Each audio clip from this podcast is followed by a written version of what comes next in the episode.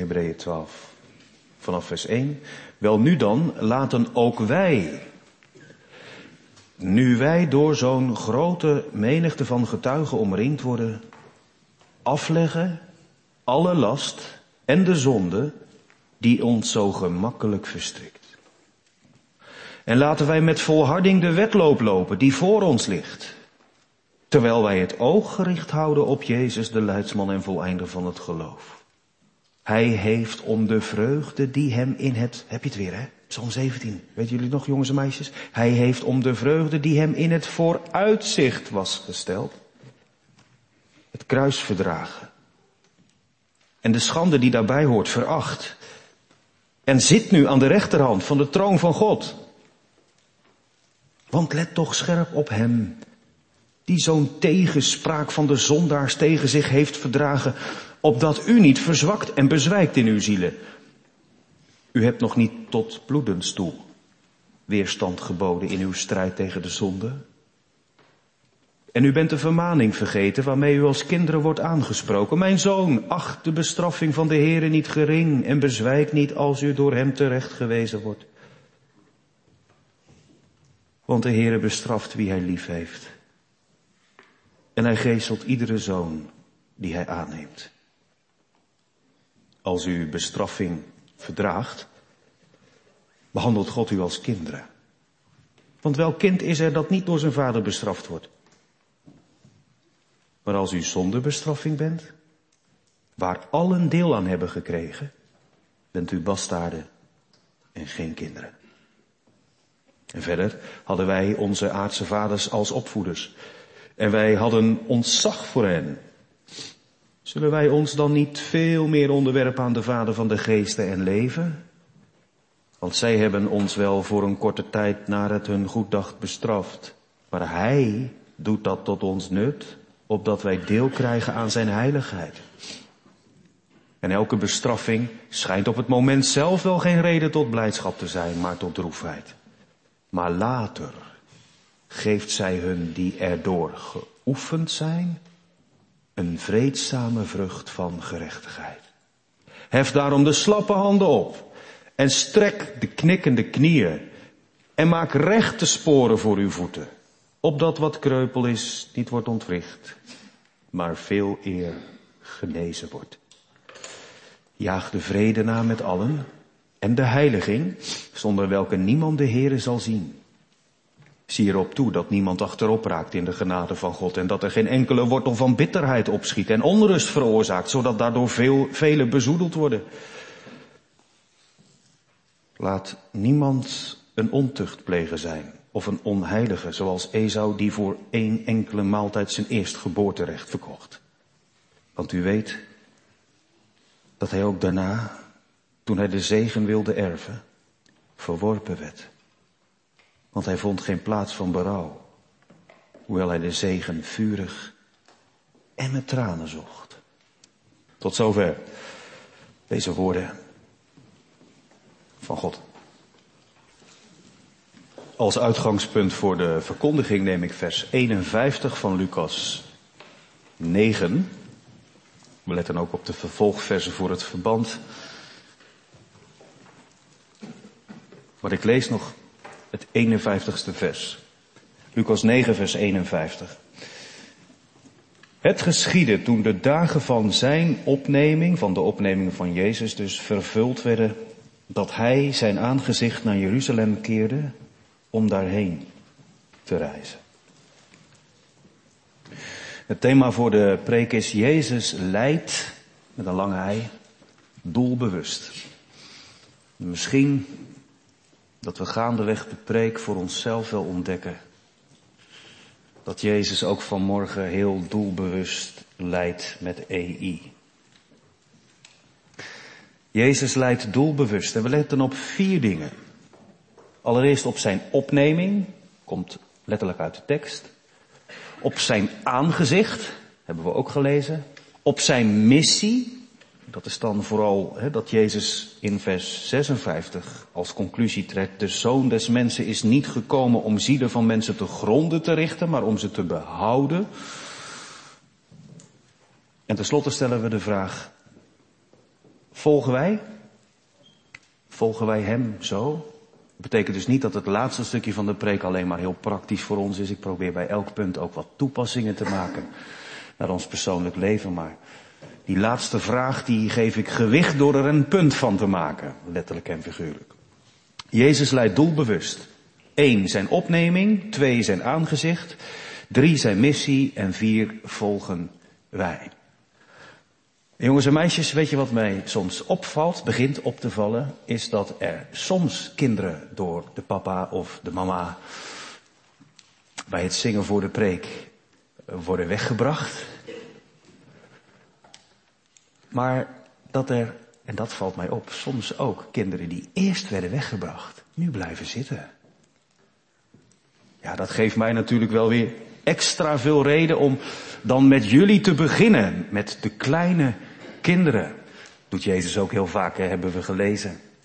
Als de Heer Jezus hier vanmorgen zou hebben gepreekt wat hij gepreekt heeft, wat we hebben gelezen, dan zou hij zomaar eens kijken wie er uh, terugkijkt. Zou hij jou hebben aangewezen? Dan zou hij zeggen, gemeente, kijk eens, ziet u dat jongetje daar? U moet ook zo worden zoals een kind. Geloven als een kind. Dus dan kan ik niet achterblijven. En dan ga ik jullie niet allemaal aanwijzen, maar ik wil wel met jullie beginnen. We hebben het gehad tijdens de lezing uit de Bijbel over de Heer Jezus. En de Heer Jezus gaat op weg naar Jeruzalem. En jullie weten denk ik wel, hè, wat daar gaat gebeuren. Toch? Uiteindelijk. Er zijn de mensen zo boos op hem geworden, dat ze zeggen, aan het kruis met hem. En weten jullie wat dat betekent, aan een kruis? Ja, Eén arm, twee armen, spijkers er doorheen, spijkers door zijn voeten. En dan wordt die paal omhoog, zo in een gat gezet en dan, oh, oh hij. Dat is erg. Dat heeft hem pijn gedaan. En misschien, misschien herken je dat gevoel wel, dat als je de Bijbel leest, dat je denkt, Heer Jezus, doe het toch maar niet. Dat je de discipelen ook een beetje gaat begrijpen. Die, die steeds zoiets hebben als Jezus zegt, we gaan naar Jeruzalem en, en, en dat, we gaan daar geen, geen vakantie houden. En we gaan daar ook niet een mooie troon bouwen en dan gaan we daar, ga ik daarop zitten en dan mogen je... Nee, Jezus zegt, ik ga daar lijden. Ik moet daar gaan sterven. De discipelen vinden dat moeilijk. Jezus leidt doelbewust. Hij is er niet vanaf te houden. En hoe meer je van de Heer Jezus gaat houden, hoe dankbaarder je wordt dat Hij zo is. Maar hoe meer de pijn ook toeneemt dat het zo moest gaan.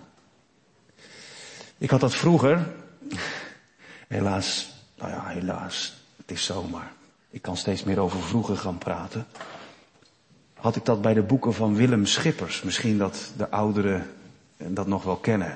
Dat waren al ouderwetse boeken in de tijd van mijn ouders. En toch werd ik erdoor gegrepen. Vaders, jongen.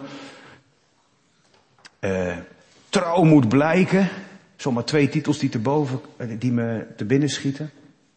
En heel vaak in die boeken gebeurde het dat je, hè, je las over een persoon en je dacht, wat een geweldige vader of wat een bijzondere jongen of en, en het gebeurde, dat is wel een beetje het vanzelfsprekende en het voorspelbare in die boeken. Het liep niet altijd goed af. Maar het ging wel vaak op dezelfde manier. Heel vaak kwam het thema voorbij dat iemand waar je zo van bent gaan houden, waar je zo aan vast zat, hè, je las helemaal mee, dat hij zijn leven gaf. Dat hij stierf. En dat wilde je eigenlijk niet. Ja, het was natuurlijk heel mooi dat hij vaak in een, in een storm op een schip of zo, of, of, of in oorlogstijd, dat hij, dat hij zijn leven gaf om iemand te redden. Maar het mooiste vond ik als kind altijd, dat ze allemaal bleven leven. Maar dan moest het toch verdraaid. Altijd eentje waar je van bent gaan houden, moest er doodgaan. En dan, dan kon ik dagen van slag zijn. Dan denk ik, ja, liep dat nou maar anders af. Jongelui, jullie hebben misschien bij films een heel, heel hot item in de filmindustrie. Iemand die zijn leven geeft. Ze pasten niet beide op de deur. De een zonk weg in het koude water. De Titanic achteraan. En de ander bleef leven. Konden ze nou niet allebei? Soms moet er iemand dood, zodat een ander blijft leven. Kijk, wij zijn natuurlijk gewend aan het lijdensevangelie van de Heer Jezus. Hij moest sterven. En we zitten er in de lijdenstijd ook wel een beetje op te wachten. Terwijl we weten dat het gaat gebeuren. Maar wist u dat zijn lijden, dat is het eerste punt van de preek, niet alleen moest.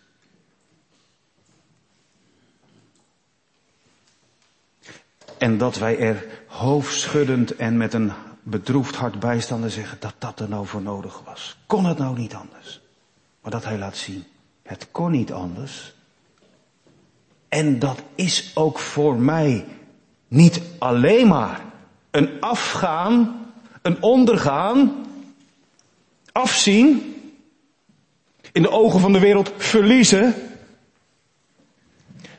Het sterven van Jezus is niet zomaar plat doodgaan, de laatste adem uitblazen. Dat is een offer brengen, zijn leven geven, zodat hij zal worden gekroond.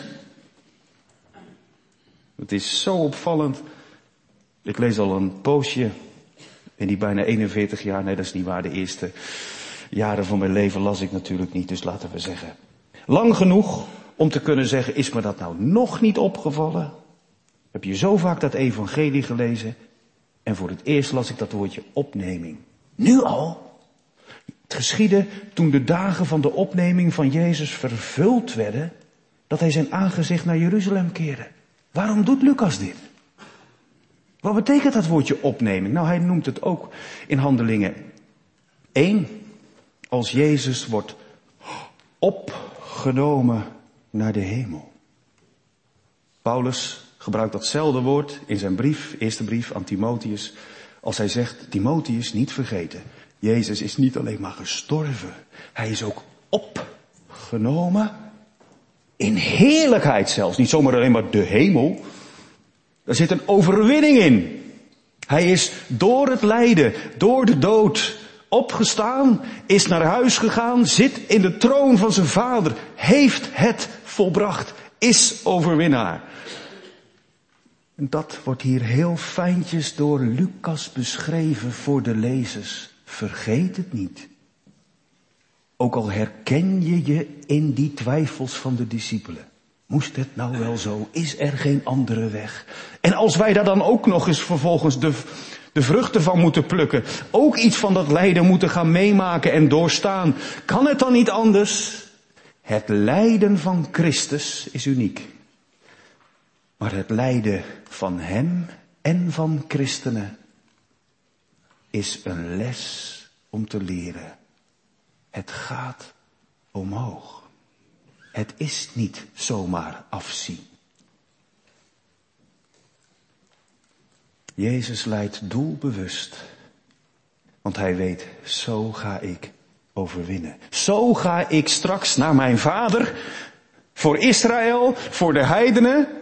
Zo ben ik naar de vader gegaan. Let op, zegt Lucas. Daar is hij naar onderweg. Om altijd voor hen die in mij geloven te bidden. Om ze te regeren. Om voor ze te pleiten. Om er voorspraak te zijn. Totdat de dag aanbreekt. De bazuin klinkt. En hij terugkomt. Het geschiedde. Toen de dagen van zijn opneming vervuld werden. Dat is een les. Ook voor de discipelen. Het gaat ergens naartoe. Het moet nog komen, maar je ziet het voorzichtig gebeuren. En nee, de les is niet zoals Petrus dacht toen ze even hiervoor, u kunt dat lezen in de versen 28 tot en met 36, toen ze op de berg waren en zo'n topervaring hadden, toen het aangezicht van Jezus veranderde en Mozes en Elia erbij waren, en die in de heerlijkheid van Jezus daar op de berg stonden, toen spraken ze over zijn heen gaan. Lucas 9, vers 31. Toen heeft Jezus met Mozes en Elisa, Elia al gesproken over zijn heen gaan. Er staat letterlijk zijn exodus, zijn uittocht. Ook zo'n bijzonder woord. Hij zou uitgaan door de woestijn naar het beloofde land, zoals zijn volk. En hier, hij zal door het lijden heen opgenomen worden. Hij zal het doel behalen. Lijden. Geliefde gemeente van Jezus staat al in het teken van de overwinning. Zul je dat niet vergeten? U dient een redder. U gelooft Jezus. Ja? Is dat zo? Zomaar even een vraag, maar toch. Gelooft u hem zo? Wat je dan ook kan bespringen hè, in je gedachten. Wat je aan het twijfelen kan brengen door wat je ziet. Door wat je meemaakt. Door wat je in de wereld ziet gebeuren. Is het nou allemaal echt veel beter geworden in de kerk, in de wereld? Bij Israël? Nadat Jezus eenmaal opstond, nu hij daar in die troon zit? En je let op allerlei dingen die, ja, die weinig met overwinning te maken hebben. Dit ene zinnetje, dat helpt je. Om, zoals we dat vandaag de dag eigen tijd zeggen, de focus te houden op waar het op uitloopt. Nog voordat het kruis er is, zegt Lucas, de dagen van zijn opneming zijn vervuld. Hij is overwinnaar. Zul je dat niet vergeten ook voor jezelf? Als je ziet op Jezus, ziende op de overste leidsmal en voleinder van het geloof. Hij die het kruis heeft gedragen en de schande veracht, Hebreeën 12 vers 2. Als je hem ziet. En je ziet bij jezelf zoveel tekort. Je zou meer moeten doen zoals hij deed. En minder moeten doen zoals je natuur je ingeeft. Wat te denken van al die gebeden die voor Gods troon liggen, die je nog steeds niet verhoord hebt gekregen, waar je mee worstelt. Je wist het wel. Het geloof is een strijd. Geen kalme reis. Maar wel een behouden aankomst. Maar die kalme reis, daar ben je ondertussen wel eens aan toe, toch? Soms kan dat gaan. Periode waarin je heen en weer geslagen wordt. Als Jezus met je begonnen is. En met je gezin. En belooft dat hij je redden zal. Het hele huis. Zijn begin is een garantie voor het eind. Nog voordat Jezus in Jeruzalem allerlei dingen meemaakt, laat Lucas zien, mijn reisverslag, al die hoofdstukken die we gaan bekijken richting Jeruzalem, is vol van het doel. Verkijk je niet op een heiland die wordt bespuugd. Verkijk je niet op een heiland die door een aantal volgers wordt gevolgd waarvan je denkt, is dat nou straks de eerste gemeente? Het gaat naar het doel van de verheerlijking. Tweede punt van de preek, zijn aangezicht. Het geschiedde toen de dagen van zijn opneming vervuld werden, dat hij zijn aangezicht naar Jeruzalem keerde. Moet u daar nou zo'n punt van maken, dominee? Nou, dat denk ik wel, omdat Lucas het zo beschrijft. Hij had toch ook kunnen zeggen, toen de dagen van zijn opneming vervuld werden, gingen ze met z'n allen naar Jeruzalem. Maar dat zegt hij dus niet. Hij legt de vinger bij Jezus, dat is één. En twee, in een Hebraïsme noemen we dat, hè? in, een, uh, in, een, in een, manier in het Grieks om duidelijk te maken dat hij gedacht heeft in de taal van het Oude Testament, maakt Lucas duidelijk wat Jezus doet. Heel doelbewust gaat het naar Jeruzalem. Als Jezus zijn aangezicht, zijn gezicht keert naar Jeruzalem, dan betekent dat dat hij wel bewust het doel voor ogen houdt. Ik loop er niet voor weg. Ik weet dat het daar en daarbuiten gaat gebeuren. Ik ga daar naartoe. Ik las bij een Messias beleidende Jood. En naar mijn inzien terechte verwijzing naar het lied van de leidende knecht in Jesaja 50. Let op, zegt Lucas. Volgens deze rabbi. Als Jezus zijn aangezicht naar Jeruzalem keert, zie je daar zijn intentie. Dat lees ik namelijk in Jesaja 50. Daar wordt door Jezaja de Messias al aan het woord gelaten, nog voordat hij geboren is. En, en hij profeteert over, over hoe dat zal zijn met die leidende knecht van de Heere. De Heere, Heere gaf mij een tong van een die onderwijs ontving, zodat ik weet met de vermoeide een woord op de juiste tijd te spreken. De Heere heeft mij het oor geopend en zelf ben ik niet ongehoorzaam. Ik wijk niet terug. Ik geef mijn rug aan hen die mij slaan. Mijn wangen aan hen die mij de baard uitplukken. Mijn gezicht verberg ik niet voor smaad en speeksel. Want de Heere, Heere, helpt mij. Daarom word ik niet te schande. En dan komt het. Daarom heb ik mijn gezicht gemaakt als hart gesteente. Want ik weet dat ik niet beschaamd zal worden. Prachtig. Het is niet zomaar dat we horen van Lucas, kijk, Jezus kijkt ineens richting Jeruzalem, zijn voeten komen in beweging. Nee, zijn hele hart komt tot uiting in hoe hij kijkt. Hij is er helemaal klaar voor. Hij zal niet terugdeinzen. Hij weet al de dingen die over hem komen gaan. En hij doet niet met een groot beroep op, ach, straks ben ik toch weer in de troon. Het valt allemaal wel mee. Nee, het valt allemaal niet mee. En toch gaat hij doelbewust. Hij is overwinnaar. Ook in zijn lijden.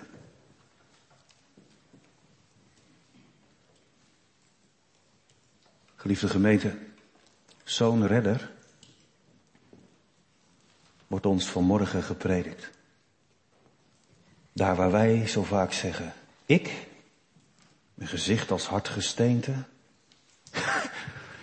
me met de baard uit laten plukken. Me in mijn gezicht laten spuwen. Laatst sprak ik nog een collega waarvan ik uiteraard de naam niet noem. Die het meemaakte in een parkeergarage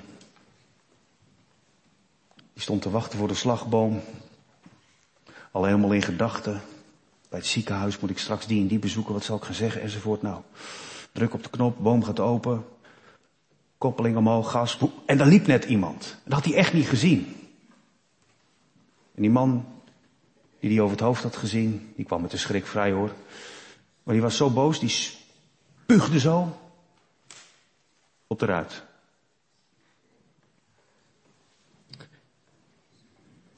hoe zeg je dat netjes als je een collega citeert?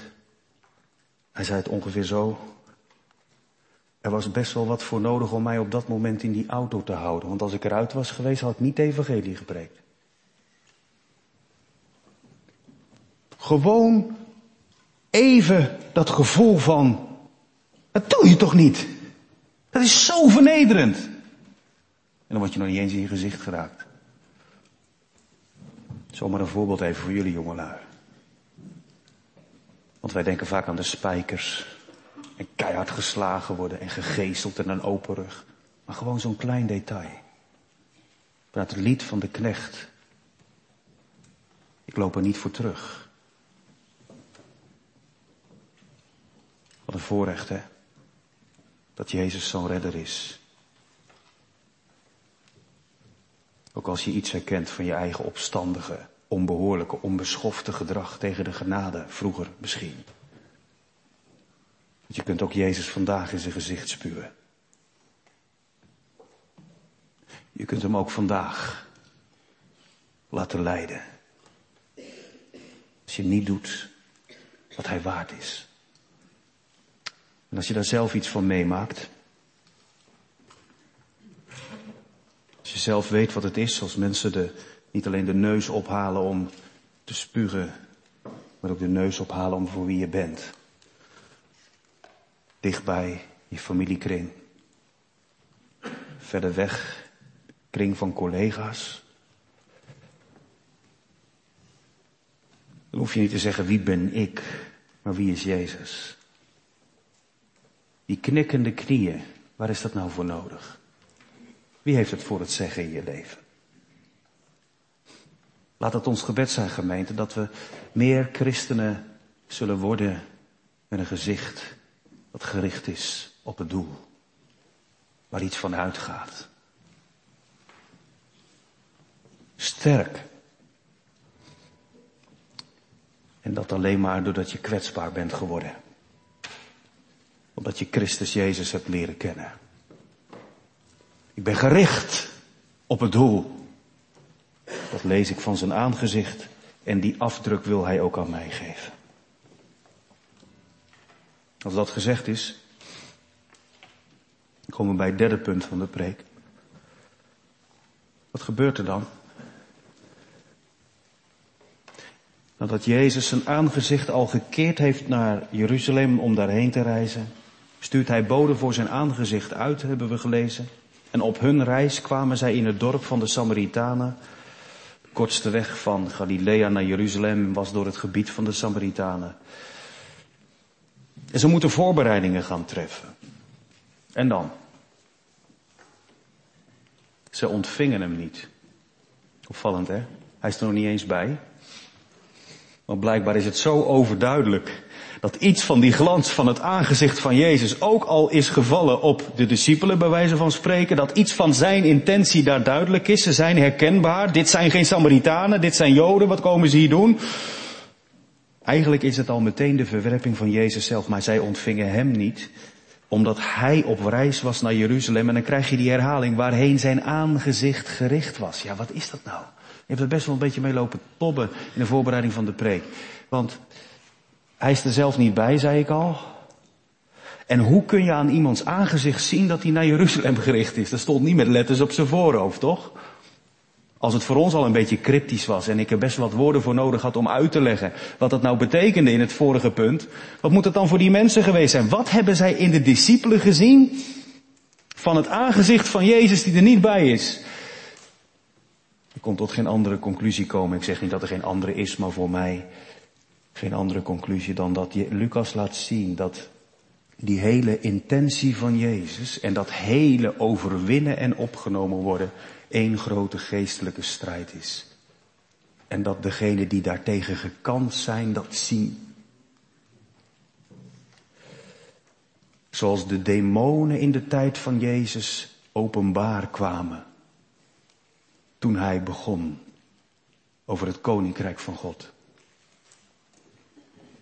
zijn er ook altijd weer andere krachten, tegenkrachten, die weigeren. Ze ontvingen hem niet opdat hij op reis was naar Jeruzalem waarheen zijn aangezicht gericht was. U moet weten dat die Samaritanen en die Joden, ik kan er even heel kort iets over zeggen vanmorgen. Er zijn heel veel studies over gedaan en die duiden ook niet allemaal hetzelfde aan, maar hierin zijn ze het wel over eens. Hè? Samaritanen, dat waren mensen met gemengd bloed. Een Joodse moeder en heidense vader. Nou, het nageslacht daarvan was niet zuiver Joods. Nou, daar vonden de Joden wat van, maar de Samaritanen die hadden ook een gruwelijke hekel aan de Joden. En, en Jezus, die laat zijn discipelen, terwijl die naar Jeruzalem gaat, de route kiezen door Samaria. Dat doet hij vaker. Met het doel, het Joodse Jeruzalem, slaat hij degene die gemengd bloed hebben, ja ook het Galilea van de heidenen niet over. Het heil van deze redder is breder dan Israël. dan komen wij in het vizier toch, gemeente. Ja, zegt iemand. Wat bedoelt u? Nou, niet alleen als we letten op dat Jezus Christus ook onder ons gepreekt is, maar ook op het gedrag van de discipelen toen. Wat vindt u daar nu van? Jacobus en Johannes, in een andere evangelie zonen des donders genoemd. Die zien dat Jezus wordt geweigerd.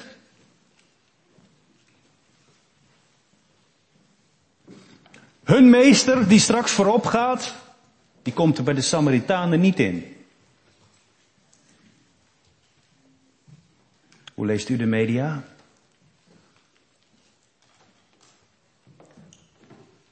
Hoe gaat u om met collega's die zeggen, mag het overal over hebben, zelfs over wie Jezus voor jou is, maar kom me niet aan met dat dat ook iets met mij te maken heeft. Nee, niemand van ons bidt natuurlijk om vuur uit de hemel. Maar de intentie van dit gedrag, toen de discipelen Jacobus en Johannes dat zagen, zeiden ze, Heere, wilt u dat wij zeggen dat er vuur van de hemel moet neerdalen en hen verteren, zoals ook Elisa gedaan heeft? Je moet dat maar nalezen in 1 Koningen, dat was het, nee, precies andersom, 2 Koningen 1, vers 1 tot en met 9. Ahazia is door het dak gevallen, die is er behoorlijk beroerd van. Die gaat bij, uh, niet de God van Israël te raden, maar die probeert clandestien op andere manieren gered te worden en genezen te worden. Dat lukt niet. Uiteindelijk komen ze bij Elia. En ze willen hem dwingen om mee te gaan. En dan bidt Elia om vuur uit de hemel en vijftig man laat het leven. Maar die geschiedenis kennen deze jongens. Het pleit voor ze dat ze dus duidelijk in Jezus ook de man van God zien. En het pleit voor ze dat ze voor Jezus opkomen, maar is het opkomen voor Jezus ook het gevolg dat anderen ervoor gedood gaan? Weet je nog, jongelui, hoe ik de preek begon? Kon dat nou niet anders? Ja. Wie opkomt voor Christus moet leren dat hij kopje ondergaat. Om zelfs vijanden met God te verzoenen. Wie opkomt voor Jezus hoeft niet te bidden om het vuur voor hen die zich tegen hem verzetten. Maar die mag zien dat het vuur van de Vader, dat ons allemaal had moeten treffen, hem trof. Dat is zijn missie, gemeente. Jezus keert zich om en bestraft zijn volgers en zegt, u beseft niet wat voor geest u hebt.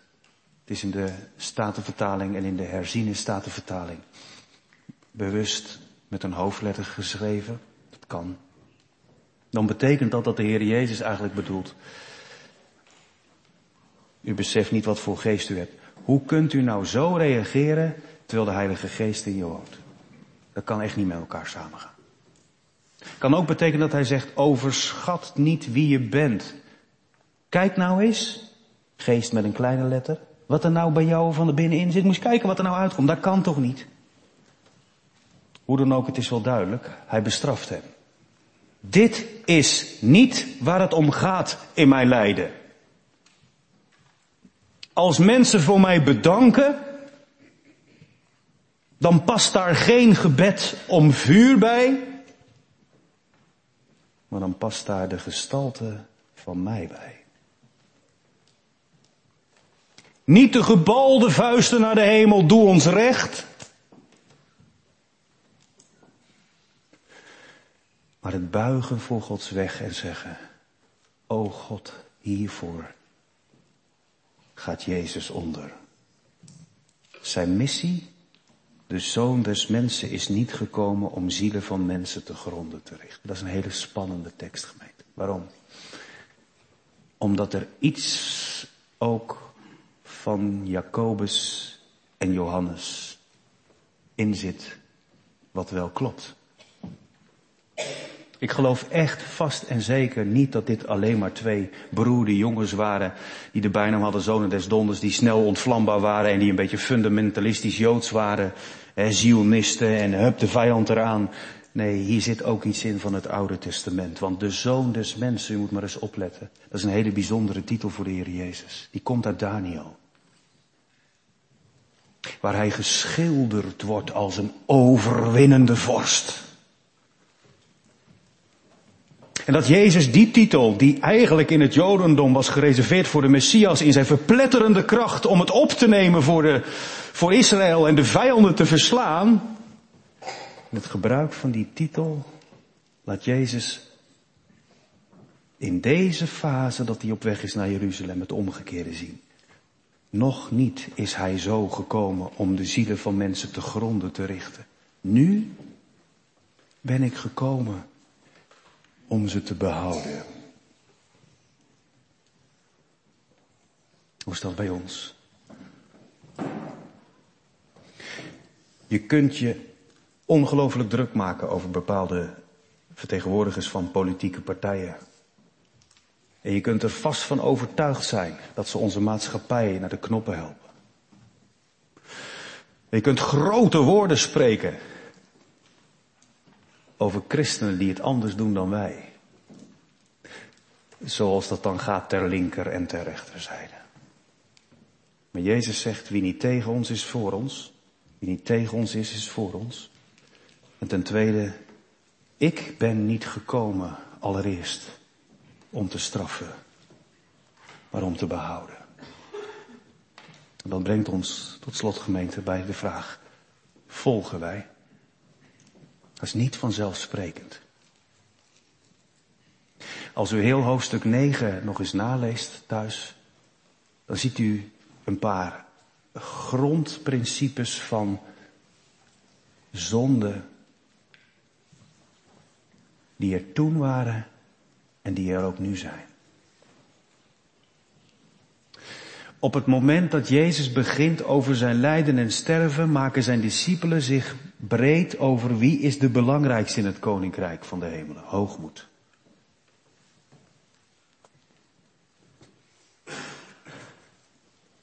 Als het gaat over vijandschap tegen Jezus, denken zij in termen van vuur en oordeel.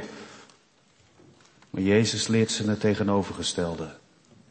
Ons past niet een ander te verdelgen. Dat is aan God. Ons past het zelfs onze vijanden lief te hebben. Niet goed te praten wat ze doen, maar goed te spreken van God, opdat ook zij worden ingesloten. Inclusiviteit van het evangelie. Deur staat open. Voor de grootste der zondaren horen we graag. Maar als iemand met de daad dat doet, is er bij ons dan dat wat Jezus deed? Volgen wij?